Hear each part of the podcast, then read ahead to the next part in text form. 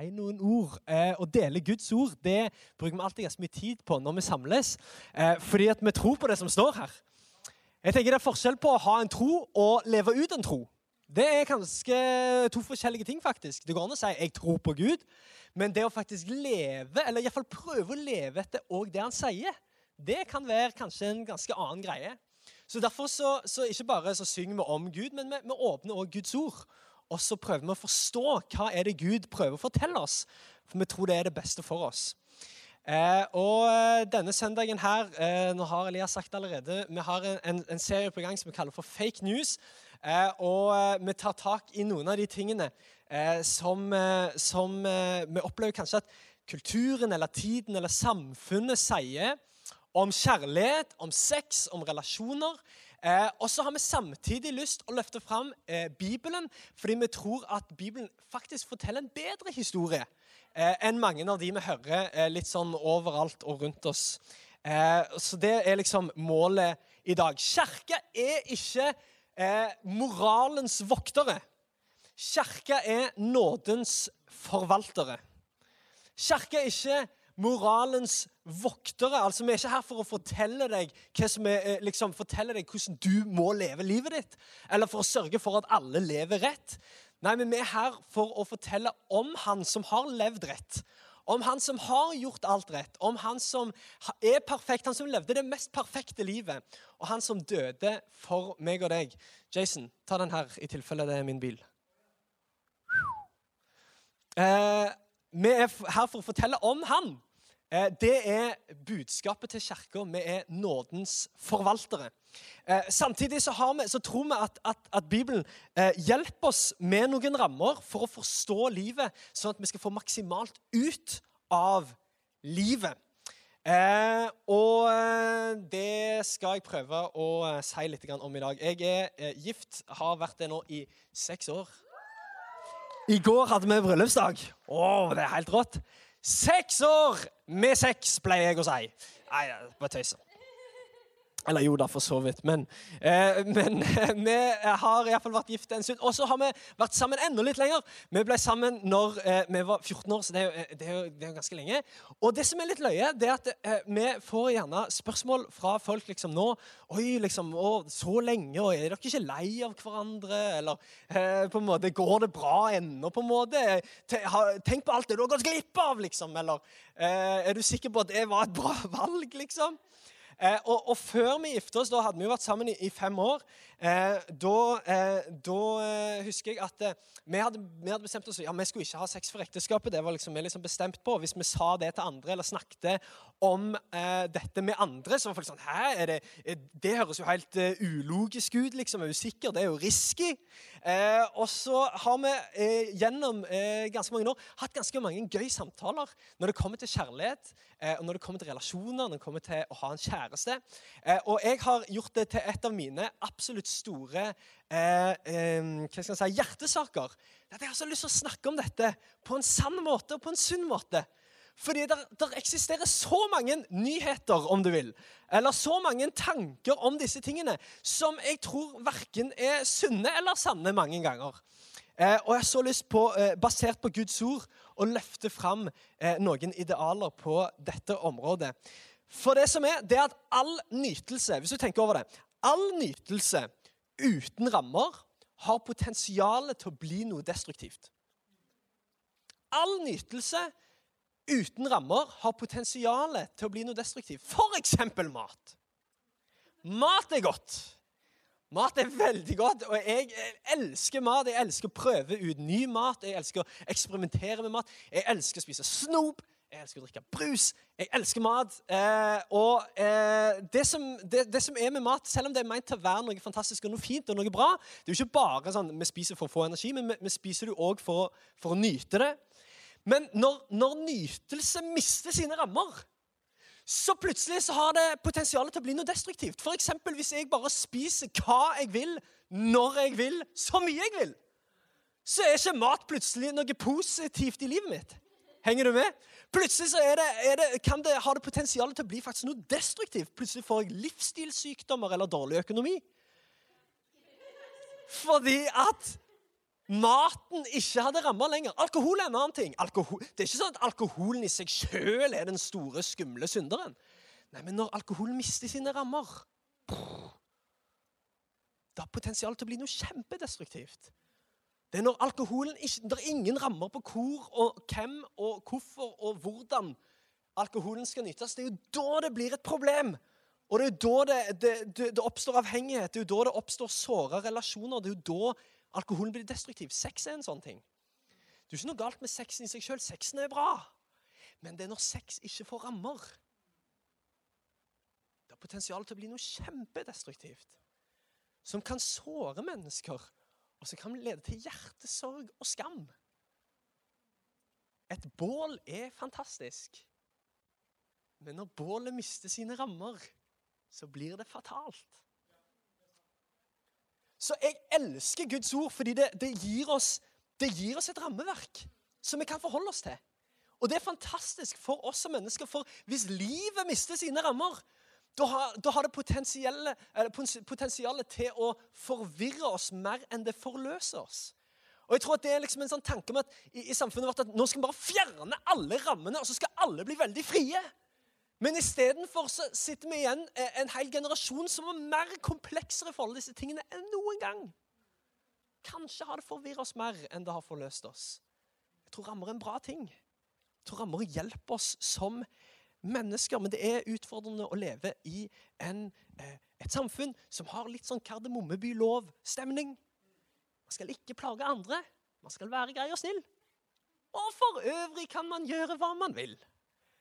Det er veldig, det er veldig lite definert, det er veldig vanskelig å si her hva som er greit, og hva som ikke er greit. Og Selv om det høres bra ut, så er jeg usikker på om det faktisk hjelper oss som mennesker å leve uten noen form for rammeverk. Det er det som er de gode nyhetene. At Vi har det rammeverket i Jesus, vi har det i Guds ord. Som ikke er der for å gjøre livet vanskelig, men for å gjøre det bedre. Og gjøre det optimalt. Så denne søndagen her så eh, skal vi ta tak i noen sånne fake news eh, eller sånne ting som en kanskje hører litt sånn i samfunnet rundt kjærlighet, rundt sex, rundt relasjoner. Og så skal vi se om Bibelen forteller oss en bedre historie. Men jeg har lyst til å begynne å lese fra 1. Korinterbrev 13. Hvis du har en bibel, kan du bla opp, eller så kommer det også på skjermen her eh, bak meg. der skriver Paulus om kjærlighet. Og jeg syns dette er et nydelig utgangspunkt for hva kjærlighet er, og, og, og egentlig presenterer en ganske annerledes kjærlighet enn den vi i hvert fall ser praktisert eh, i resten av eh, samfunnet. Hør på det her. Kjærligheten er tålmodig. Kjærligheten er velvillig. Den misunner ikke. Den skryter ikke. Den er ikke hovmodig eller, eller stolt. Kjærligheten krenker ikke. Kjærligheten søker ikke sitt eget. Den er ikke oppfarende. Den gjemmer ikke på det onde, men den gleder seg heller ikke over urett. Den har sin glede i sannheten. Kjærlighet utholder alt, tror alt, håper alt, tåler alt. Kjærligheten tar aldri slutt. begrepet kjærlighet er under press. Og det har oppstått ganske mange egosentriske definisjoner på hva det er for noe. Og Det er ikke sikkert alt er formulert, men jeg tror det, det fins noen sånne, sånne, definisjoner bare ute og flyr, og som vi bare hører eller forstår gjennom, gjennom sosiale medier, gjennom influensere, gjennom ting som en leser i avisene. Og jeg tror at Hvis ikke vi er forsiktige, da, så blir plutselig det som egentlig var rotfestet i noe som ikke var sant, plutselig så ble det til en sannhet for oss. Vladimir Lenin sier dette, eller sa dette. Det er ikke så ofte jeg eh, siterer Lenin her, men, men han sa dette at a lie told often enough becomes the truth. Og propagandaministeren til Hitler skal ha sagt noe lignende. Det bare å fortelle, det bare, bare presse på, det er bare å fortelle en løgn. For hvis du gjør det lenge nok, så er det ingen som klarer å, å, å, å liksom skille det ut lenger. Plutselig så blir det til en sannhet. Så hvis ikke vi er litt forsiktige, da, eller i hvert fall ikke, hvis ikke vi åpner vårt, vårt rammeverk, åpner Guds ord, plutselig så er det en del ting som bare blir sagt eller meint eller, eller, eller løfta fram i samfunnet, som plutselig begynner å bli en sannhet for oss. Jeg har lyst til å løfte fram noen ting i dag Eh, og, og, noen arresterer kanskje noen sånne fake news. Og enda viktigere presentere en bedre historie. Er dere klar? Den første er dette, og det er at eh, self-love er det viktigste av alt. Det er en fake news som jeg eh, på en måte klarer å, å, å, eller kjenner litt igjen i samfunnet vårt. At det å bare, det å bare elske seg sjøl enda litt mer, det er liksom svaret på livets problemer. Før du kan elske noen andre, så må du elske deg sjøl. Og det er jeg jo for så vidt helt enig i at det er viktig å ta vare på seg sjøl. Det er viktig å elske seg sjøl. Det er viktig å elske livet. Gud har gitt oss et liv, og det skal vi elske. Og det skal vi også elske med frimodighet. Og, Jesus sier til og med at eh, han opp, hvis han skal oppsummere hele Guds ord, så sier han at det er å elske Gud, men så er det òg å elske sin neste som seg sjøl. Så, så, det fins et element av ja, så klart skal vi elske oss sjøl. Så klart skal vi eh, gjøre det med frimodighet og ta vare på livet. Og ordspråkene sier jo 'bevar hjertet framfor alt du bevarer'. For livet går ut fra det. Så absolutt. Men når all vår kapasitet for kjærlighet blir kanalisert for å realisere oss sjøl, så står vi kanskje igjen litt tomme. Kanskje står vi igjen litt egoistiske, kanskje til og med litt um, grådige. Er det virkelig sant? Hvis jeg bare elsker meg sjøl enda mer, så får jeg det enda bedre? Eller fins det en bedre historie? Jeg så på Instagram faktisk denne uka her, noen som postet et bilde der det sto 'Self-love will save your soul'. Det er sterkt, altså. Liksom antyder bare at du har ok, du har kanskje vondt i sjelen din, men vet du hva, du, du, du må bare elske deg sjøl enda litt mer. Du trenger enda litt mer is og Netflix, så blir alt bra, liksom. Du trenger enda litt mer tid med deg sjøl. Du trenger enda litt mer alenetid. Du trenger enda litt mer den der å, liksom realiseringen av deg sjøl. Men er det sant? Er det sant at de problemene som du har, eller de problemene som jeg har, som har med, som har med livene våre å gjøre, at, at, de blir løst bare jeg viser meg sjøl litt mer kjærlighet? Jeg tror det fins en bedre historie. og Jesus er inne på det i Johannes 15, 13, når han sier at ingen har større kjærlighet enn den som gir sitt liv for sine venner. Ingen har større kjærlighet enn den som gir sitt liv for sine venner. Det er derfor vi vet at Jesus har den største kjærligheten, for han ga òg sitt liv for sine venner. Og det er jo når fokuset skifter fra meg sjøl, mitt og mine hele tiden, og heller når vår kapasitet for kjærlighet går utover å prøve å finne noen andre som en kan realisere. Når vi prøver å finne noen andre som en kan tjene og løfte opp, wow, da blir en løfta opp sjøl. Bibelen sier til og med i ordspråkene så står det 'Den som kvikker opp andre, blir oppkvikket selv'. Nydelig vers! Den som kvikker opp andre, den blir jo oppkvikka sjøl. Den får det jo bedre sjøl. Derfor er mitt beste tips til ungdommer som sier å, men akkurat nå så gir ikke livet mitt så mye mening, og jeg er bare litt sånn litt sånn eh, Ikke deprimert, men kanskje litt sånn lei meg. og liksom sånne ting. Så prøver, prøver jeg alltid liksom, prøver å finne ut hva er, det som, hva er det egentlig som er problemet her. Ja, Hvor mye har du sett på, på Netflix i det siste? liksom? Ja, nei, jeg ser jo litt hver dag. Da. Ja, Hvor mye da? Fire-fem timer, liksom. Så sånn, Hæ, hva fillen? Og så prøver jeg liksom å, prøver å finne hva er det som, hva som egentlig ikke Ja, Når var sist du ga noen en gave? Det pleier jeg alltid å spørre om, for det er ganske gøy spørsmål. Når var sist du ga noen en gave? Det er jo liksom, ikke jeg, eh, Søstera mi i fjor jul, liksom. sant? Men Når var sist du tenkte på noen andre? Når var sist du tjente noen? Når var sist du så et behov som noen andre hadde, og gjorde noe med det?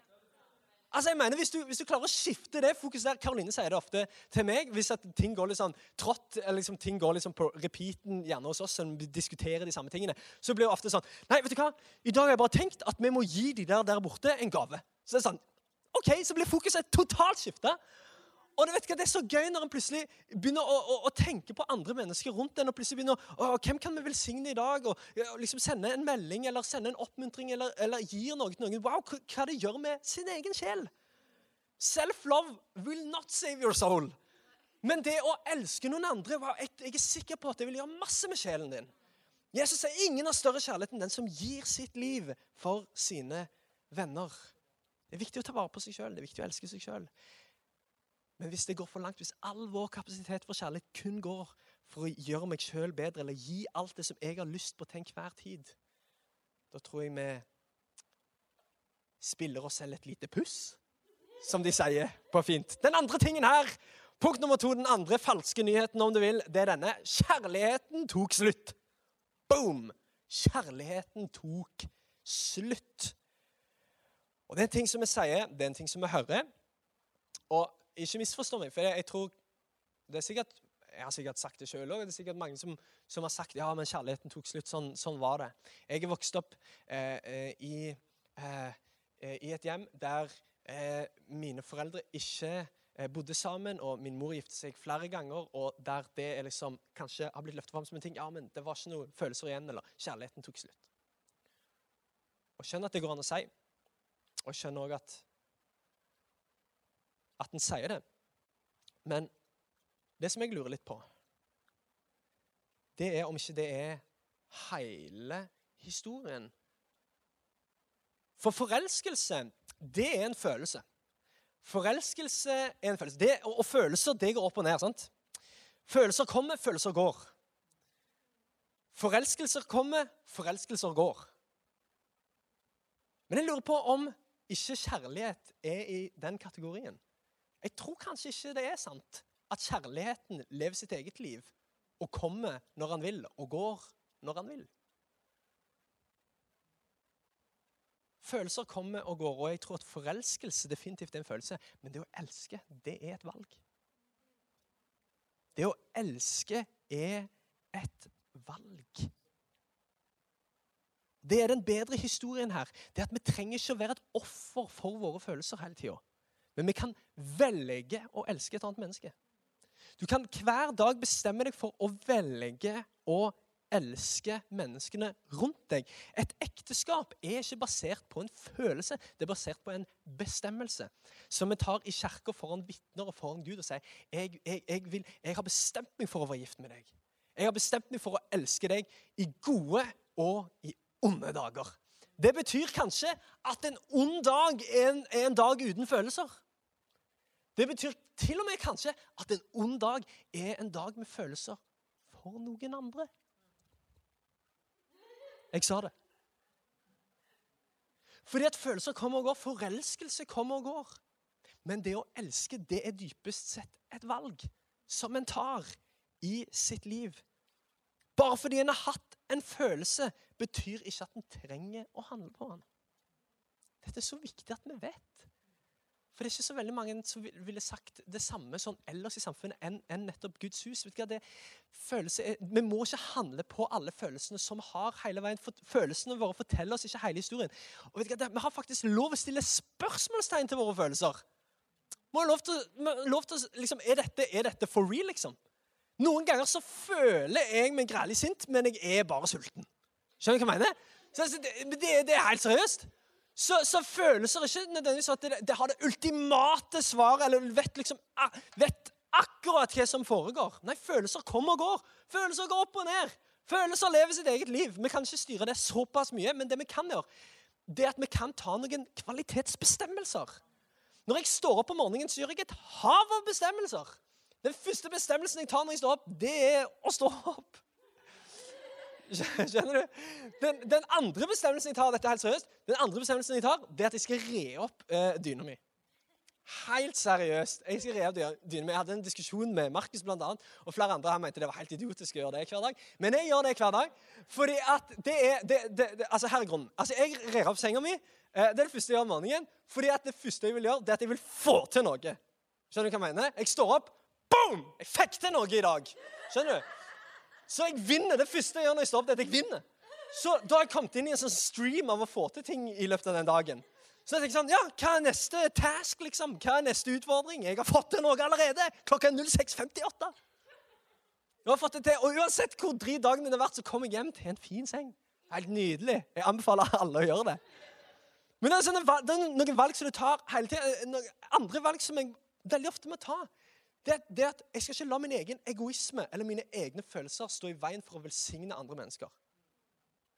Det, det, det et valg av og til, for Av og til så føler jeg meg ikke bra. Av og til så føler jeg ikke meg perfekt eller føler for å gjøre alle de tingene. Men vet du hva, jeg må ta den bestemmelsen, og jeg må gjøre det over for Karoline, som er gift med òg. I dag skal, jeg, jeg, skal bestemme meg for å, for å, finne en måte å tjene henne på i dag. For Elske er jo et verb. Det er jo noe du gjør. Det er ikke noe du føler, det er noe du gjør det. Å elske er noe du gjør. Hvordan gjør du det? Jo, gjennom å tjene. Gjennom å snakke, gjennom å tilgi. Det er å elske. Det er noe du gjør. Det er et valg.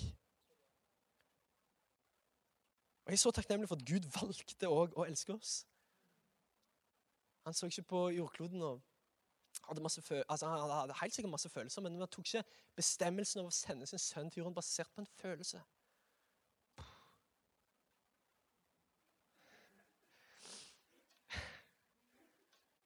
Han, han, han, bestemte seg for å elske oss. Han hadde bestemt seg for at vi var verdt det. Han sendte sin sønn, og fortsatt så er Gud sånn. Hans kjærlighet for oss, til oss er ikke basert på hvor bra vi oppfører oss, hvor flinke vi er. Nei, Guds kjærlighet er basert på hvor god han er. Hans bestemmelse, ikke hans følelser til enhver tid. Det er den kjærligheten som jeg vil la meg definere av, og som jeg òg vil gi til andre. Hør på denne tredje her. En kjæreste gir meg mening. Boom. En kjæreste gir meg mening.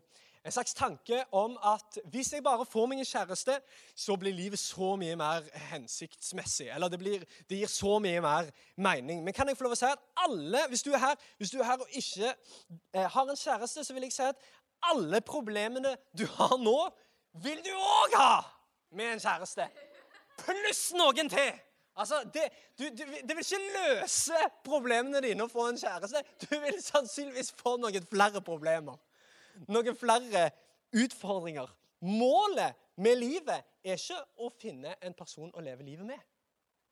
En annen person vil ikke gi livet ditt hensikt. Gi, det, det gir deg masse bra greier, men det vil ikke gi deg den evige hensikten og meningen som du søker etter. Og Derfor så vil jeg også si at derfor så er det heller ikke målet i livet at alle skal gifte seg. Det går faktisk an å leve et helt liv. Et fullt liv. Et meningsfullt liv. Et liv i, med et kall. Med å ære Gud og aldri leve sammen med noen. Det går an, og det er lov. Og det er til og med bra. Det er tre ting som en kjæreste aldri kan gi deg. Det er en hensikt med livet, det er identitet, og det er evig kjærlighet. De tre tingene der det må du hente fra Jesus Kristus. Meningen med livet, identiteten, hvem du er, og den evige kjærligheten. For du skjønner at Den kjærligheten som meg og deg kan gi hverandre, den er til døden skiller oss ad. Men den evige kjærligheten som hver enkelt en av oss lengter etter i hjertet, den får vi kun fra Jesus. Det får vi kun fra Gud. Så den evige kjærligheten, Vi kan ikke legge det på noen andre. Du skal gi meg evig kjærlighet. Vi kan ikke legge det på noen andre og si du skal gi meg identitet. Du skal bekrefte meg helt til jeg føler meg græla bra. Det, det er, hvis du tenker over det, hvis du tenker over det, så er det egentlig litt sånn, det er egentlig litt grusom ting å gjøre. Det er en ganske, det er en ganske liksom, voldsom ting å legge på et annet menneske. Du skal gi meg hensikt. Derfor er det beste Karo kan gjøre for meg, det er at, at, hun finner meningen med livet i Jesus. Det er at hun finner identiteten sin i Jesus. At hun finner den evige kjærligheten i Jesus. Og Det er den beste tingen vi kan gjøre for hverandre. Finne de tingene, Ikke legge det på hverandre. Det er en ganske tung ting å legge på et annet menneske. Derfor, du, derfor får du en mye bedre historie om Jesus får lov til å bli din bay, som de sier. Bay som står for bacon and eggs. Nei, det står for uh, 'before anyone else'. Before anyone else. Når Jesus får lov til å bli din before anyone else, din nummer én, ditt sentrum, vet du hva, da påvirker det hele ditt liv. Og vet du hva, Jeg er overbevist om at jeg blir en mye bedre ektefelle når jeg har brukt tid sammen med Jesus. Jeg blir å finne en mye bedre venn òg når jeg har brukt mer tid sammen med Jesus. Jeg blir en bedre leder når jeg har brukt mer tid sammen med Jesus. Jeg blir bedre av å ha Jesus som nummer én og ikke et annet menneske. Kjæreste vil ikke gi deg meningen med livet, men Jesus kan gjøre det. Er du klar for et par til? Kom an, Denne neste her, eh, denne er bra. Eh, for å bli kjent så må man sove sammen. For å bli kjent må man sove sammen. Dette høres jo ut som det gir kjempemye eh, mening. Eh, på en måte. Jeg har personlig ikke blitt kjent med så mange bevisstløse folk. Eh, men men eh, Jeg skjønner på en måte hvor du kommer fra. da. Men, men det som jeg tror, eh, det er det at jeg, jeg, tror nødvendigvis ikke at det å, å, å sove sammen eh, er en essensiell nøkkel. da. For å få et sunt eh, og, og, og, meningsfullt forhold. Jeg tror at den bedre historien får en når en er våkne sammen. Altså jeg mener, Når en kan se hverandre i øynene, når en kan finne på ting sammen, når en kan snakke sammen, når en kan gjøre gøye ting sammen, når en kan være med hverandre sine venner, når en kan møte hverandre sine familier, når en, når en kan planlegge for framtiden. Wow, det er da en blir kjent! Og det er det en bygger et forhold på. Ikke at en sover sammen. Jeg tror dessuten det bare setter oss i en unødvendig vanskelig situasjon vi ikke trenger å være i. Og Det leder meg egentlig på den, den femte her, og det, den hører jeg av og til eh, fra folk. Det, det, det, er risky å gifte seg uten å ha hatt sex, er det noen som sier. Er du sikker på det, liksom? Det er jo, ris det er jo risky å gifte seg uten å ha hatt sex. Fordi at hvis sexen er dårlig, så er forholdet doomed. Da er det bare å gi opp. Og så antyder det på en måte at, at det, det er der liksom skoen trykker. At liksom det er derfor vi er i lag, for vi har så god sex. Er det risky å gifte Jeg vil si, Det er mye mer risky å gifte seg med noen du, du ikke har ledd med, f.eks. Det er mye mer risky. Det er mye mer risky å gifte seg med noen du ikke har det gøy med. Det er mye mer risky å gifte seg med noen du egentlig ikke kjenner. Det er mye mer risky å og, å basere forholdet sitt på noe annet enn disse gode verdiene. Det er at en har det gøy sammen. Det er at en kjenner hverandre. Nå, disse fem årene som meg og Karoline var sammen, Vi var jo fortsatt tenåringer de fem årene. Men vi gjorde det som et, vi hadde et valg eh, som var sånn at vi, vi, skal, vi, skal, møte hverandre hver dag. på en eller annen måte. Om det blir å spise frokost liksom, eller møtes på to minutter før vi tar bussen til skolen eller gjør leksene. Men liksom, e- et eller annet. Så da, Vi skal se hverandre hver dag på en eller annen måte. og Samme det hvor, hvor lenge det er, for vi tror på kvantitetstid, ikke kvalitetstid. for da, har, Hvis alt skal være kvalitetstid, da er liksom forventningene her oppe, og du blir alltid skuffa. Men hvis, hvis, forventningene er kvantitetstid, mest mulig tid, så blir du positivt overraska. Wow, så gøy det var å være sammen! Og jeg tror, på, jeg tror på kvantitetsidé Det å ha masse, masse tid sammen. Våkne masse tid sammen der en blir kjent, og der en har setter retning og setter et mål og drømmer sammen. Og det, og vet du hva, det er så fantastisk, for det gjør at nå etterpå så er, så er det ikke sexen som liksom er make it or break it. Nå er det ikke det som er liksom der, der skoen trykker, men, men, nå er det det at vi har, jo, vi har jo en drøm sammen. Vi har jo et mål sammen, vi har jo et ønske sammen. Vi elsker jo hverandre. Vi, vi har, jo, vi har, vi har jo en retning sammen. Og så er det det som holder oss sammen. Og Derfor vil jeg si at den bedre historien her det er at sex er en bonus, ikke et mål. Sex er en bonus, ikke et mål.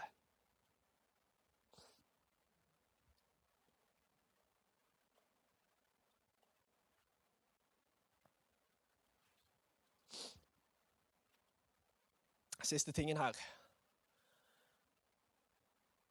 Love is love. Love is love. Eller alt er love, hører vi kanskje rundt om oss. Er det sant at all kjærlighet er kjærlighet? Er det sant at uh, all kjærlighet er bra kjærlighet? Er det sant at all kjærlighet er trygg kjærlighet? Det er akkurat som vi litt sånn i vår tid har på en måte funnet ut av det her. At liksom grenseløshet er liksom svaret.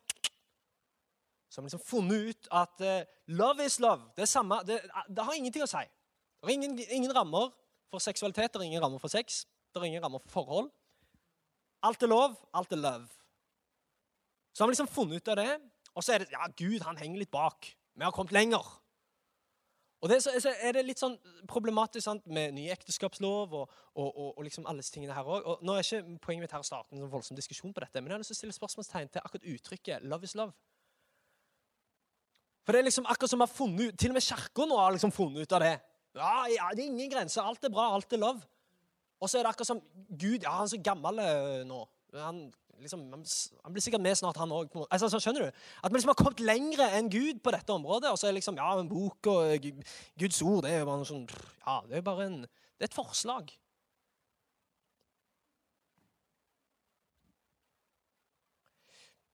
Eller, eller, eller er, er, er, det er det sånn at dette utsagnet her er mer en, en slags kamuflasje da, for, for denne grenseløsheten, som, og så gir man litt sånn harmløs paraply. Og sier vi at liksom, kjærlighet og kjærlighet. Og til og med så bruker vi 1. Korinterbrev 13 ganske mye. Og så sier vi sånn, ja, men størst av alt er kjærligheten. For det står i 1. Korinterbrev 13.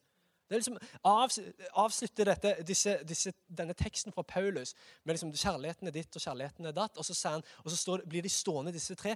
Tro, håp og kjærlighet. Men størst blant dem er kjærligheten. Og så får vi det også, Alle de som, som, tror på grenser og som tror på, på rammer, som tror på Guds ord, blir liksom kastet ja, men det står jo til og med i Guds ord. Størst av alt er kjærligheten. Hvem er du til å si noe annet, liksom? Størst av alt er kjærligheten. Vi vet hva som står. På gresk så står det størst av alt er agape. Agape betyr guddommelig kjærlighet. Størst av alt er hva da? Den guddommelige kjærligheten. Den kjærligheten som, som meg og deg ikke stiller spørsmålstegn til. Den guddommelige. Den originale kjærligheten. Størst av alt Guds kjærlighet. Størst av alt er den guddommelige agape-kjærligheten, som egentlig betyr selvoppofrende kjærlighet. Størst av alt er den ubetinga kjærligheten. Størst av alt er Guds kjærlighet. Er all kjærlighet kjærlighet? Er all kjærlighet bra for oss? Er all kjærlighet smart? Jeg tror at det største kjærligheten det er agapekjærligheten, Guds kjærlighet. Den guddommelige, selvoppofrende, ubetinga kjærligheten. Agapekjærlighet leder ikke til metoo-saker, f.eks. Agapekjærlighet gjør oss ikke skamfulle. Agapekjærlighet gir oss ingen dårlig følelse etterpå.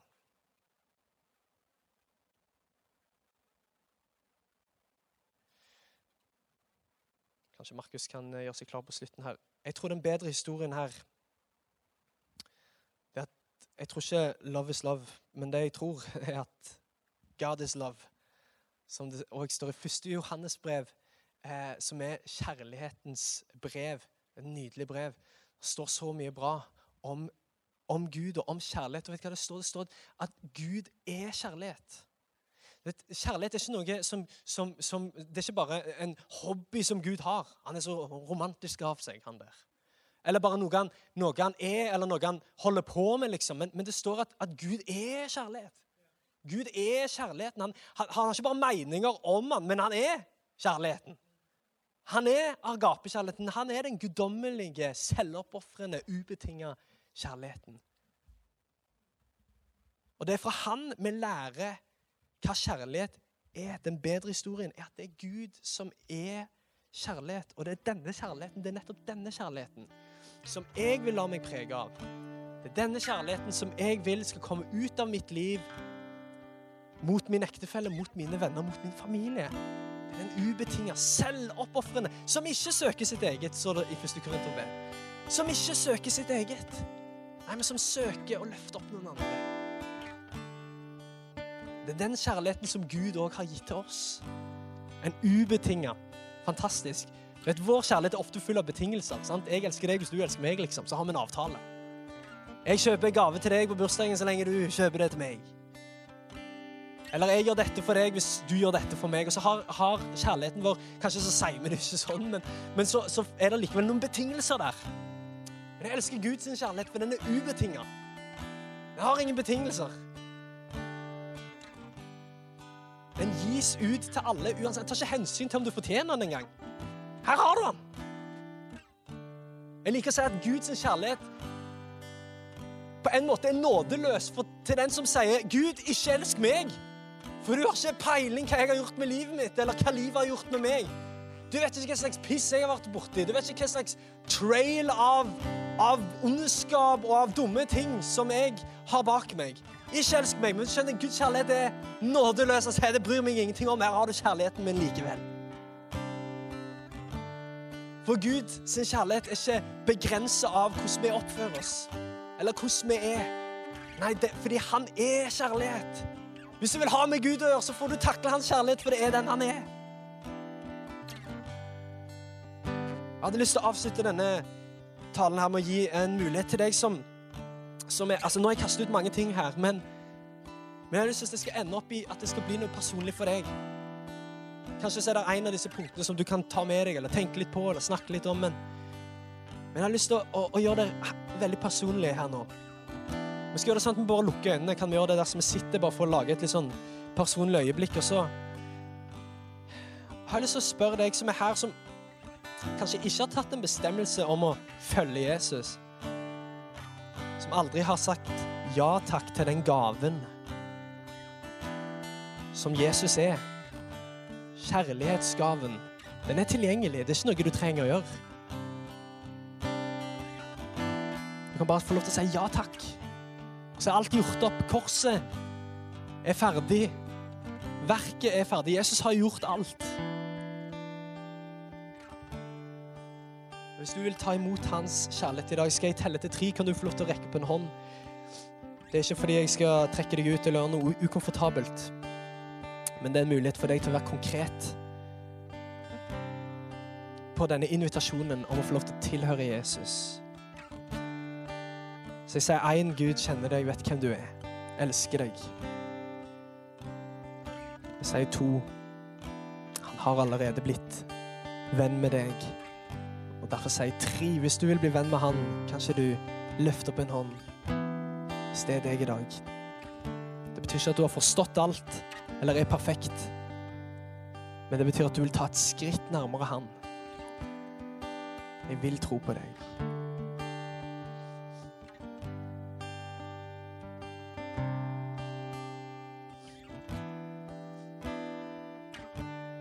Nydelig. Takk, Jesus, for at du er her med din ånd og med din kraft. Takk, Jesus, for at du er her og fyller dette rommet med frihet, med kjærlighet, med nåde Takk for at det ikke er fordømmelse i deg, Jesus, men takk for at det er frihet. Og Herre, mens vi løfter opp våre stemmer nå når vi skal lovsynge deg, Gud, ber om at du kommer med den friheten i oss. Sett oss fri fra de eh, løgntankene som kanskje preger vår hverdag. Sett oss fri fra de tingene som holder oss igjen. Tanker om hvem vi er, tanker om hvem andre er.